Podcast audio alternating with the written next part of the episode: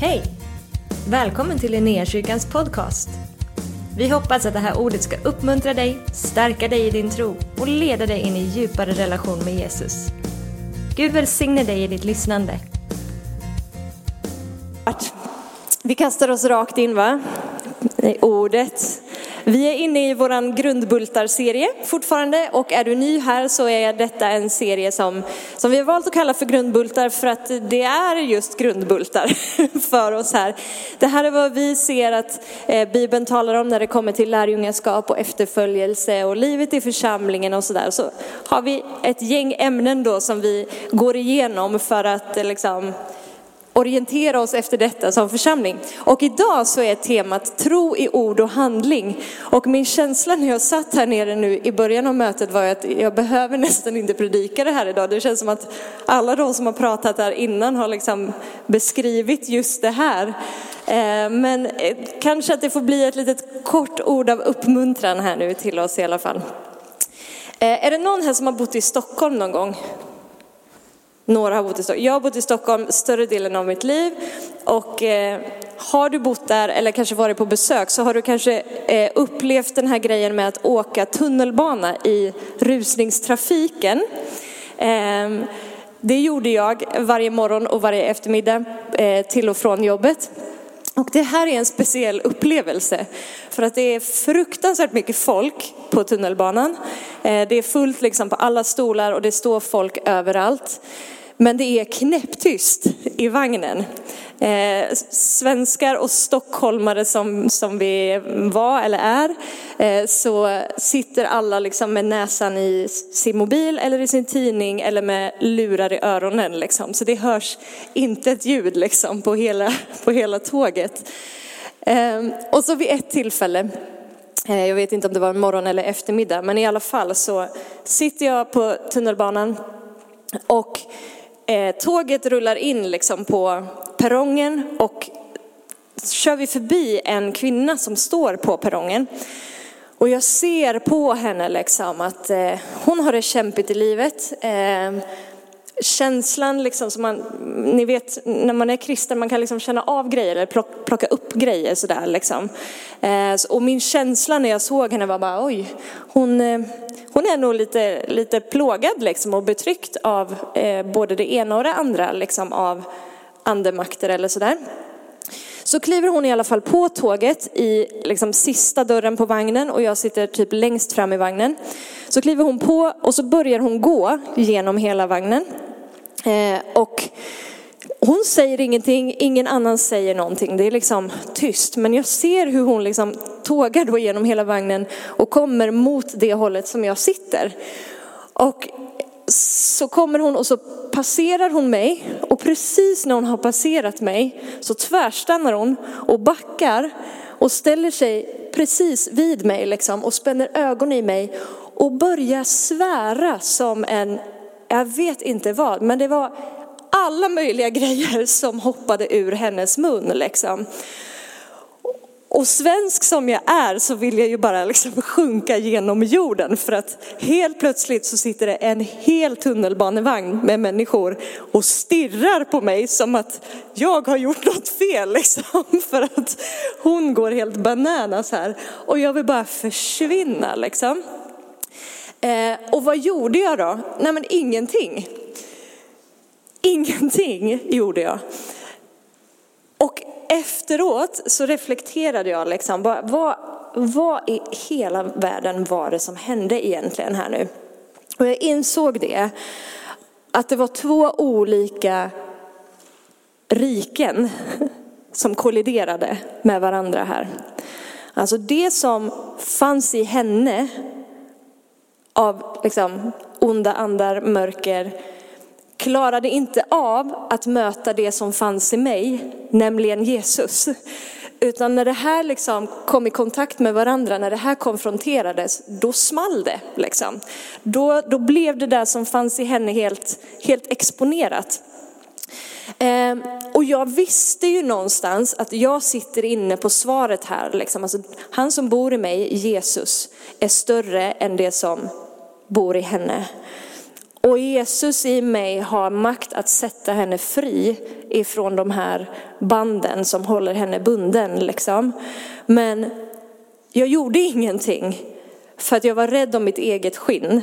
Och vad som hade varit visast att göra i den här situationen, det, det kan man ju spekulera i. Liksom. Men jag kände då, då, jag vill inte ställa till en scen, men, men, men mitt primära motiv i det, om jag ska vara ärlig, var kanske inte av omsorg för henne, utan snarare att jag var rädd för vad folk skulle tycka och tänka om mig. Liksom. Det kändes lite besvärligt att det blev en sån där grej i den där tunnelbanevagnen. Liksom. Så det blev ingenting mer av den situationen, men det blev en, en tankeställare som hette duga för min del. Varför börjar jag med att dela det här? Jo, men temat är ju tro i ord och handling.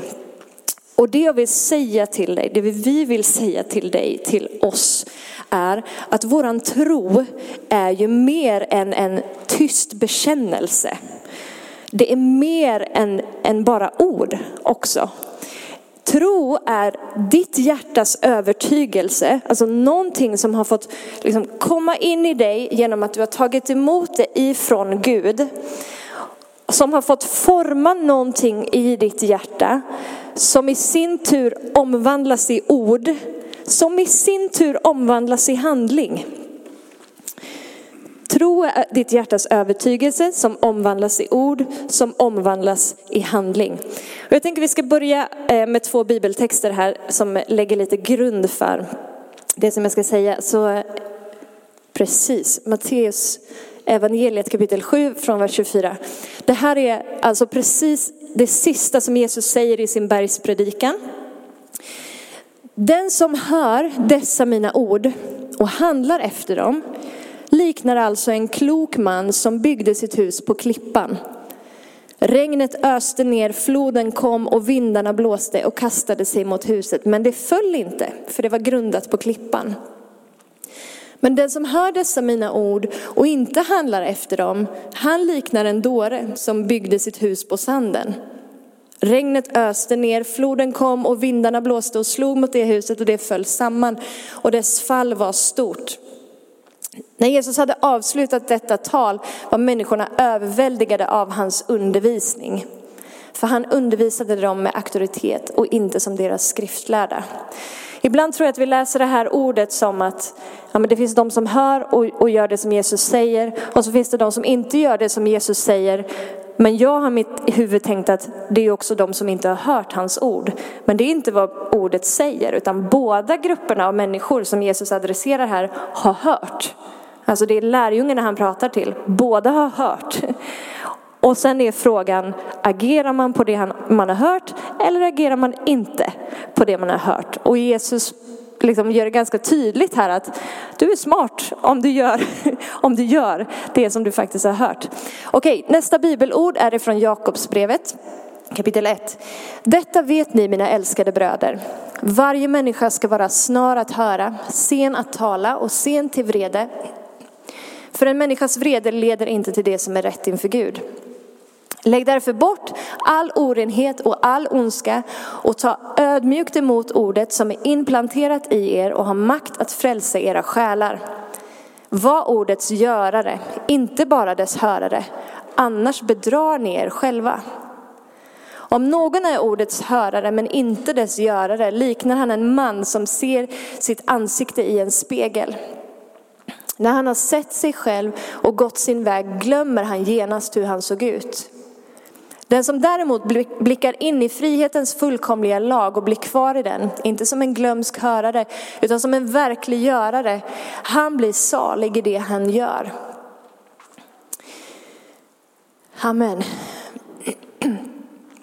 Jag har haft vid flera olika ehm, tillfällen under min tid här så har jag mött folk som har frågat mig liksom kring, kring den andliga verkligheten. Och, och eh, människor som har varit ute på missionsresa och kanske åkt till Afrika till exempel eller till Indien eller så här, har ganska tydligt liksom sett den andliga verkligheten och kanske mött människor som har varit betryckta på olika sätt och som har fått möta befrielse eh, hos Jesus. Och så kommer tillbaka och så bara fattar de inte, men varför ser vi inte det här på samma sätt? Och mitt svar har liksom varje gång varit att den, den andliga verkligheten är ju inte mindre verklig här i Sverige. Det är precis lika verklig på båda ställena. Men där, om vi nu, nu generaliserar jag ju väldigt mycket, liksom, så är det väldigt öppet för att människor liksom tänker att det här med andlighet är självklart. Andlighet är liksom inte en privatsak utan andlighet är någonting som man kan använda sig av i alla möjliga olika lägen. Och därför söker man sig kanske till en häxdoktor till exempel när någonting händer och, och man behöver hjälp eller så. Eh, så det är liksom väldigt öppet så. Men här i Sverige så har vi liksom, här förklär det sig på ett sätt så att det ska se ut som att det inte finns. Den stora liksom lögnen, det som, det som vi blir bedragna av här, gemene man, är att det inte finns en andlig verklighet. Liksom. Att det är inte på riktigt. Och är du en person som, som vill vara involverad i det andliga så är det din privatsak. Liksom. Det är din egen tro som du ska hålla lite för dig själv. Det är ingenting som vi, som vi pratar om på det sättet eller, eller som är öppet. Men, men det finns fortfarande, det är bara det att det förklär sig. Liksom. Eh, och det här med liksom att att din tro ska vara din privatsak. Det här är någonting som jag håller för mig själv. Det är liksom nobody else's business. Det hittar vi ju inte i Bibeln någonstans.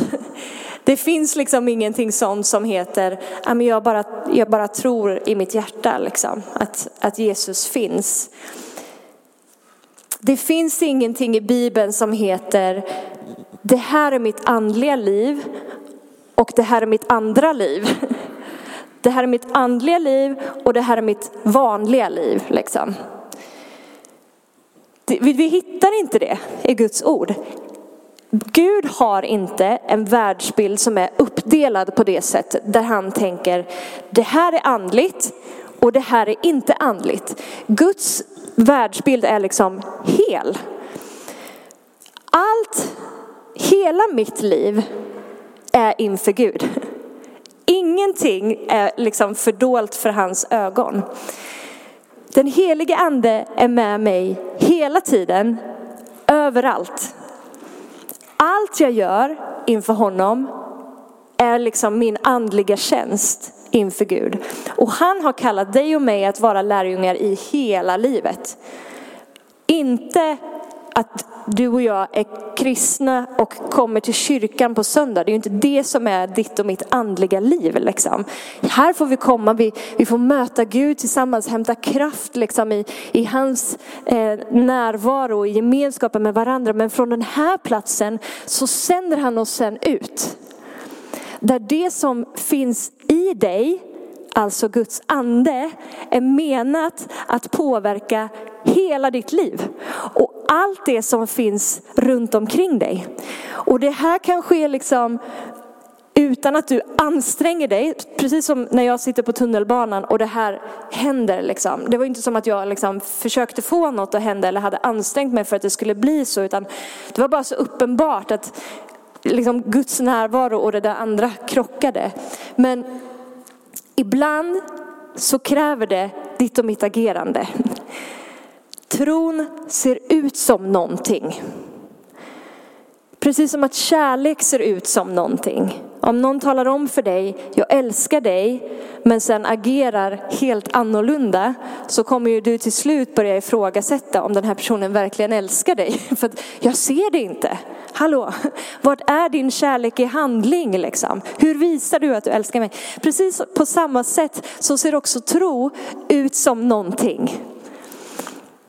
Det finns ett ord där i Jakobsbrevet också lite senare där det står att tron utan gärningar är död. Du kan försöka att visa mig din tro utan dina gärningar så ska jag försöka visa dig min tro med mina gärningar. Det är ganska skarpa ord liksom. Men vi, vi utför ju liksom inte kristna gärningar eller kristna handlingar för att bevisa någonting inför Gud. Kolla här hur mycket jag tror. Nu ska du väl ändå gilla mig? Nej, nej. Det är ju inte det som är grejen.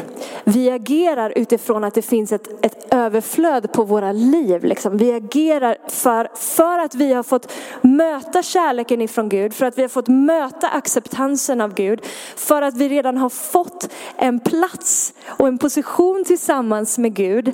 Därifrån lever vi våra liv, inte för att vinna någonting tillsammans med honom. Vi agerar inte heller på våran tro för att bevisa någonting för oss själva. Att liksom, jag kan minsann. Vi agerar inte på våran tro för att vi ska ha ett coolt vittnesbörd och berätta för någon annan. Liksom att, ja, men om jag ber för den här personen nu, då kan jag berätta det för någon i kyrkan nästa söndag. Då kommer alla tycka att jag är superandlig och jättebra kristen för den här personen blev helad. Det är inte det som är våran, våran drivkraft. Liksom. Tron är verksam i kärlek kärlek till, till de som vi möter runt omkring oss. Men ni fattar grejen, helheten i livet. Liksom. Vi kan ta din fråga sen efter gudstjänsten. Ehm, det finns ett annat bibelställe som jag tänker att vi ska läsa som, som också är faktiskt ifrån Bergspredikan. Eh, ifrån Matteus kapitel 5, exakt. Det här är Jesus som säger. Ni är jordens salt. Men om saltet förlorar sin sälta, hur ska man då få det salt igen? Det duger inte till annat än att kastas ut och trampas ner av människorna. Ni är världens ljus. En stad som ligger på ett berg kan inte döljas. Om man tänder inte ett ljus och sätter det under skeppan, utan man sätter det på hållaren så att det lyser för alla i huset.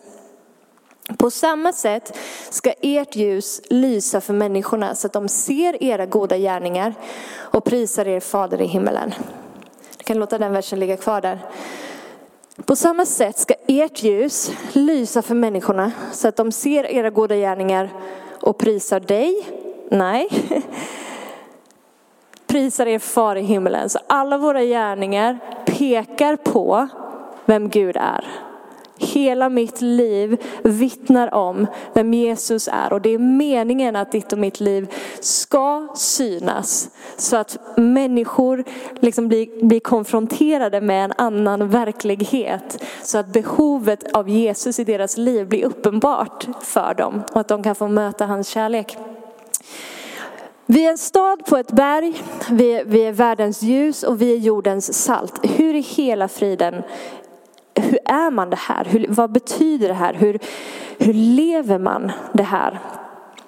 Jag tänker att jag primärt liksom ska nämna två spår och där jag vet att jag liksom predikar för kören här nu. Ni, ni vet de här grejerna, ni kan de här grejerna så ni får bara ta det som en uppmuntran liksom ifrån, ifrån Gud.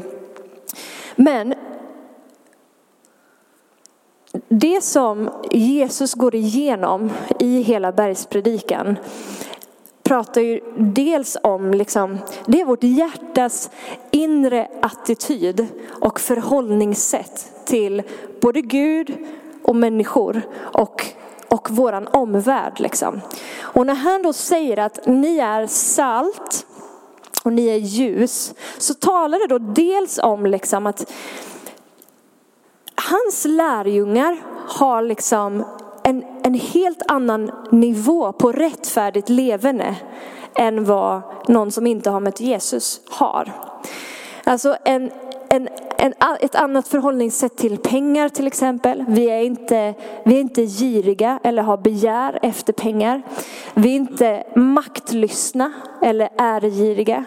Vi kan eh, älska våra fiender och be för dem som förföljer oss istället för att ge igen och, och hata människor.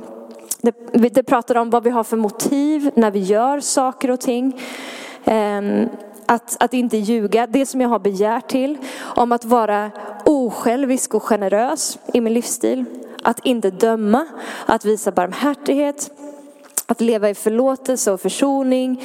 Att inte göra skillnad på människor. Att tjäna den som är den lilla människan, den, den fattige och den ringe. Och när man hör alla de här grejerna så inser man ju bara, gode Gud, jag behöver, jag behöver din hjälp. Liksom. Och de här, de här inre attityderna, liksom, eller hjärtats, hjärtats tillstånd och förhållningssätt till, till det som vi möter handlar ju inte om att du och jag ska komma på några liksom moraliskt höga hästar och tycka att vi är lite bättre och lite finare än alla andra människor. För jag har ju minsann inte begär efter pengar. Jag kan, jag kan minsann älska mina fiender och, och be för dem. Alltså om vi, om vi börjar komma med den attityden där vi tycker att vi är lite för mer än andra. Det luktar ju rätt så ruttet. Alltså då har vi ju skjutit oss själva i foten. Då, då luktar det ju inte Jesus i alla fall. Liksom.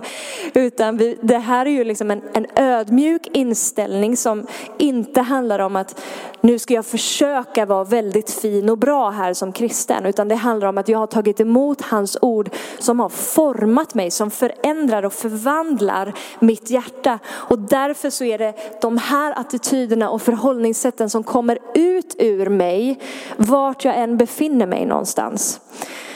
Om jag ska ta ett superenkelt exempel. Liksom. Om du på din arbetsplats skulle upptäcka att det sker lite liksom fiffel här. De gör vinster med pengar som liksom inte känns riktigt schysst här. Det är någon annan som far illa i andra änden av det här. Vad händer i dig då liksom? Vad gör du? Kan vi på den platsen, kan du på den platsen stå upp och vara ljus och säga, vänta nu här, det här känns inte riktigt schysst. Det här rimmar inte i mitt hjärta.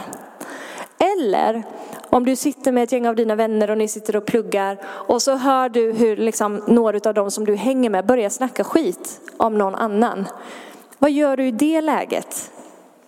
Jag minns så väl en gång när jag Eh, jag jobbade på ett, eh, inte i någon kyrka utan på en helt vanlig arbetsplats och så satt vi just i fikarummet. Och så var det några eh, där som började prata så illa om en annan kollega.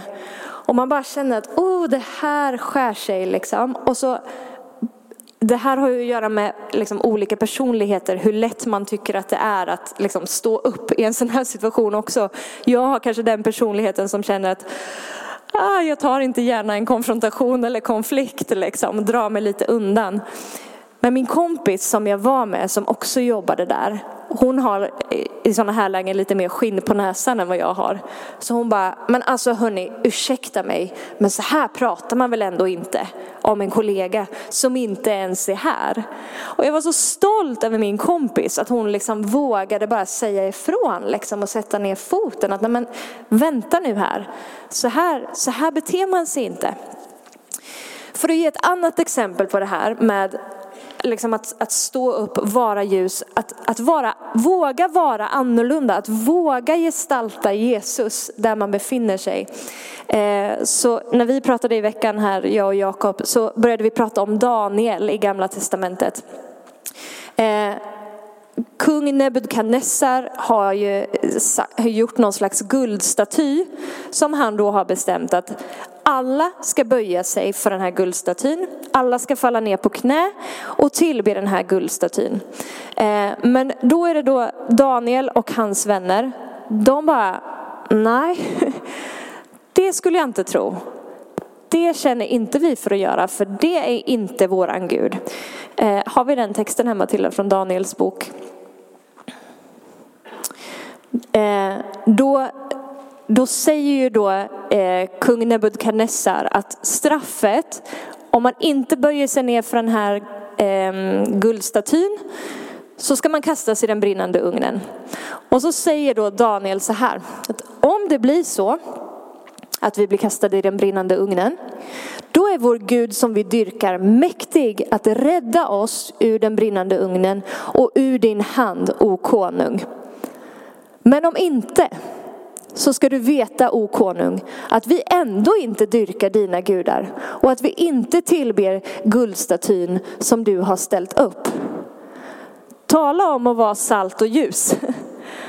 När ett helt rike har fått befallning om att böja sig inför det här så är det några män som bara, Nej, det kommer vi inte göra. Hellre tar vi straffet att eldas upp i en brinnande ugn än att vi böjer oss för en, en död avgud. Vi vet vem vi tillhör, vi vet vem vi, till, vi tillber. Ni kan applicera det här på ett eget liv och på liksom vilken situation du än befinner dig i. Men jag vet att vi alla liksom har konfronterats med olika sådana här situationer där allt och alla går åt ett håll och gör på ett visst sätt och du känner ah, det känns inte bra. Men det, det skulle vara så otroligt mycket lättare att bara också gå åt det här hållet. Liksom. Jag undviker skav, jag undviker konfrontationer. Problemet är att du kör över ditt eget hjärta. Liksom. Du gör våld på din egen övertygelse. Och dessutom, alla de som går åt det här hållet hungrar någonstans efter det som du har. De bara väntar på att någon ska stå upp och vara ljus. Så att det som är mörker i oss alla innan vi har mött Jesus kan få bli upplyst av någonting annat. Okej, nu har vi pratat om eh, de inre attityderna, förhållningssättet liksom. Den andra grejen här, hur är man salt och ljus? Som jag var inne på här innan, våran tro är ju inte bara teori liksom. Utan Guds rike består i rättfärdighet, frid och glädje i den helige ande. Men det står också, det består inte i mat och dryck utan det består i kraft. I hans kraft. Tänk att vi får gå ut vart du än befinner dig, på din skola, på din arbetsplats och vara bärare av hans kraft för att du ska kunna göra det som Jesus gjorde. Nämligen att bota sjuka, att uppväcka döda, att driva ut onda andar.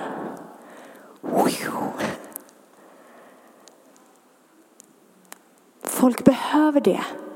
Folk längtar efter det. Människor, eh, Rebecka som vittnar här idag, liksom, man söker i massa andra källor för att hitta sina svar. Och svaret är alltid Jesus. Tänk att få gå ut i, i den kraften. Det finns en berättelse från Apostlagärningarna kapitel 3 och kapitel 4 som eh, de flesta av er säkert har läst. Men det handlar om Petrus och Johannes som var lärjungar till Jesus. Och de eh, är på väg eh, till, ett till sin dagliga bön, till bönestället. Och så möter de där en, en man som är lam och han tigger om pengar. Och de säger att silver eller guld, det har vi inte. Men det vi har, det ger vi dig. Jesu Kristi Nazarens namn, res dig upp och gå. Och den här mannen får styrka i sina fötter och reser sig upp och går. Det som händer sen efter det här är att Petrus och Johannes fängslas. För att saddukeerna och eh, prästerna och tempelvakten, de bara vad är det som händer? Helt plötsligt så är det människor som, som liksom, de talar i Jesu namn och de kommer med kraft. Det här hotar hela våran ordning. Liksom. Så deras världsbild bara vänds ju helt upp och ner liksom, när det kommer några tjommar som bara, ja ah, han är lam, i Jesu namn var hel och, och killen blir hel. Det blir ju kaos i de som försöker upprätthålla någon slags ordning i deras värld. Så de fängslar Petrus och Johannes. Och så säger de, ehm, kan vi få upp eh, från Apostlagärningarna eh, kapitel 4 tror jag det var Matilda, från vers 1 till 13 gav jag dig det. Ja, vi läser hela sammanhanget. Medan de talade till folket kom prästerna. Det här är alltså Petrus och Johannes som talar till folket efter att de har botat den här mannen. Medan de talade till folket kom prästerna, tempelvaktens ledare och saddukeerna emot dem upprörda över att de undervisade folket och Jesus predikade uppståndelsen från de döda. De grep dem och höll, höll dem fängslade till nästa dag eftersom det redan var kväll. Men många av dem som hade hört ordet kom till tro och antalet män var nu omkring 5000. Nästa dag samlades stora rådet i Jerusalem, både äldste och skriftlärda. Översteprästen Hannas var där liksom Kajfas, Johannes och Alexander och alla som var av översteprästerlig släkt.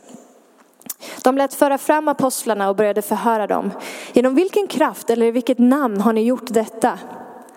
Då uppfylldes Petrus av den helige ande och svarade dem, rådsherrar och äldste för vårt folk.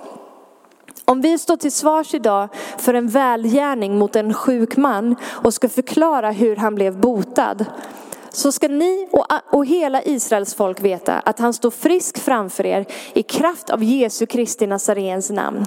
Ni korsfäste honom, men Gud har uppväckt honom från de döda. Jesus är stenen som ni byggnadsarbetare förkastade, men som har blivit en hörnsten. Hos ingen annan finns frälsningen och under himlen finns inget annat namn som människor fått genom vilket vi blir frälsta. När de såg, den här versen är viktig, när de såg hur frimodiga Petrus och Johannes var och märkte att de var olärda män ur folket blev de förvånade.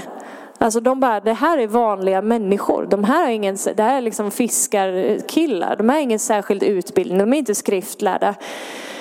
Och ändå så är de så här frimodiga. Så de, men de märker att de är olärda män ur folket och de blir förvånade. Men så kände de igen dem och kom ihåg att de hade varit med Jesus. Är inte det det som är liksom utmärkande för oss alla här inne? Alltså, vi kan inte skryta om att vi liksom har läst 18 år av liksom teologi och kan allting utan och innan. Vi är, vi är vanliga människor. Vi är olärda människor i folket. Liksom. Men vi har varit med Jesus. Vi har varit med Jesus. Och det är det som blir utmärkande. Och sen säger Petrus lite senare, vi kan få upp eh, de nästa verserna också kanske. Och när de såg mannen som hade blivit botad stå där tillsammans med dem blev de svarslösa. De befallde dem att lämna rådsalen och överlade sen med varandra. De sa, vad ska vi göra med dessa människor? Att det har hänt ett märkligt tecken genom dem är uppenbart för alla som bor i Jerusalem och det kan vi inte förneka. Men för att det inte ska sprida sig ännu mer bland folket så bör vi varna dem att de aldrig mer talar till någon människa i det namnet. De kallade in dem och förbjöd dem att alls tala eller undervisa i Jesu namn. Men Petrus och Johannes svarade dem, det här är kaxigt hörni, bedöm själva om det är rätt inför Gud att lyda er och inte Gud. Vi för vår del kan inte hålla tyst med vad vi har sett och hört.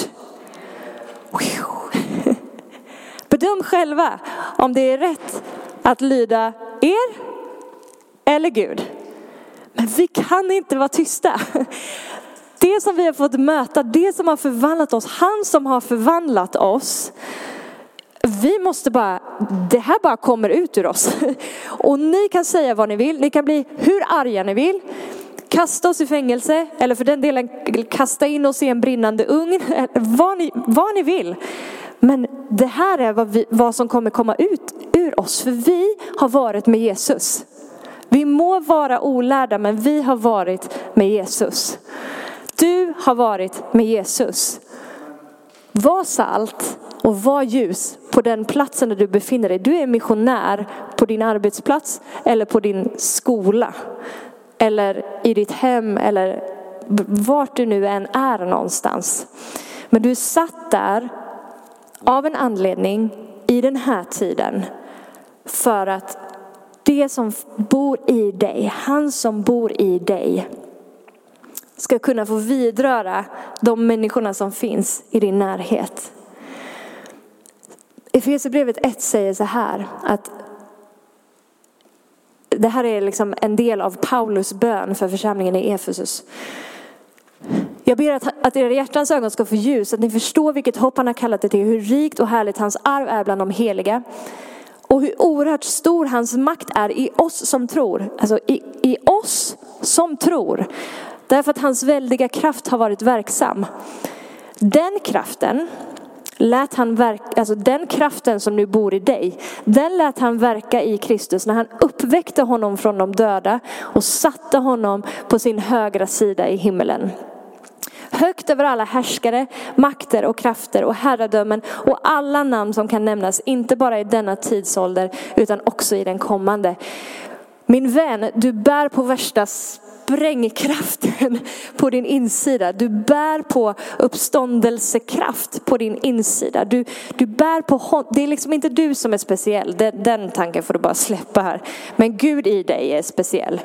Han i dig har makt att lösa de människorna som finns runt omkring dig ifrån djävulens band och sätta dem fria och få föra dem ifrån mörker till ljus. Så tänk om vi kunde få vara ett folk som bara helt och hållet lägger ner våra egna liv och skippar den här dumma människofruktan som jag berättade om att jag hade där i början. Där jag var så rädd om hur jag skulle se ut liksom. Och jag vill inte ställa till med en scen och så här. För jag, jag lovar dig att de allra flesta gångerna som du har känt en maning från Gud att göra någonting och inte gjort det så har människofruktan varit en del av ekvationen gissningsvis. Men tänk om vi bara varje dag skulle få bara säga till Gud, Herre jag lägger ner mitt liv för dig idag. Jag lever inte för min egen ära, för min egen, liksom, att folk ska gilla mig. Jag lever för att folk ska gilla dig. Kosta vad det kosta vill. Amen. Ska vi stå upp och be en bön? Fader i himmelen, jag tackar dig för att för det första för att du har frälst oss, för att du har fört oss ifrån mörker in i ditt underbara ljus, Herre. Jag tackar dig att vi har fått bli bärare av din ande, att du har fyllt oss med dig själv och att du sänder oss ut som, som får in bland vargar, som ditt ord säger. Du har sänt oss ut för att, för att vara salt och ljus på den plats där vi befinner oss, Herre. Jag tackar dig att vi alla kan få gå runt och vara som små minifyrar, liksom, som, som lyser upp på en mörk plats och som, som vittnar om att det finns en annan väg att gå än den vägen som, som leder liksom till, till mörker och, och ångest bara. Herre, jag ber för oss alla som befinner oss här inne att du idag bara ville ge oss modet och lösa oss ifrån all form av människofruktan. Att vi hela tiden skulle leva med blicken fäst på dig istället för blicken fäst på mig. Där det inte handlar om mig utan det handlar om dig och alla de som du älskar som finns runt omkring mig, Herre. Tack att du ger oss nya perspektiv idag. I Jesu namn. Amen.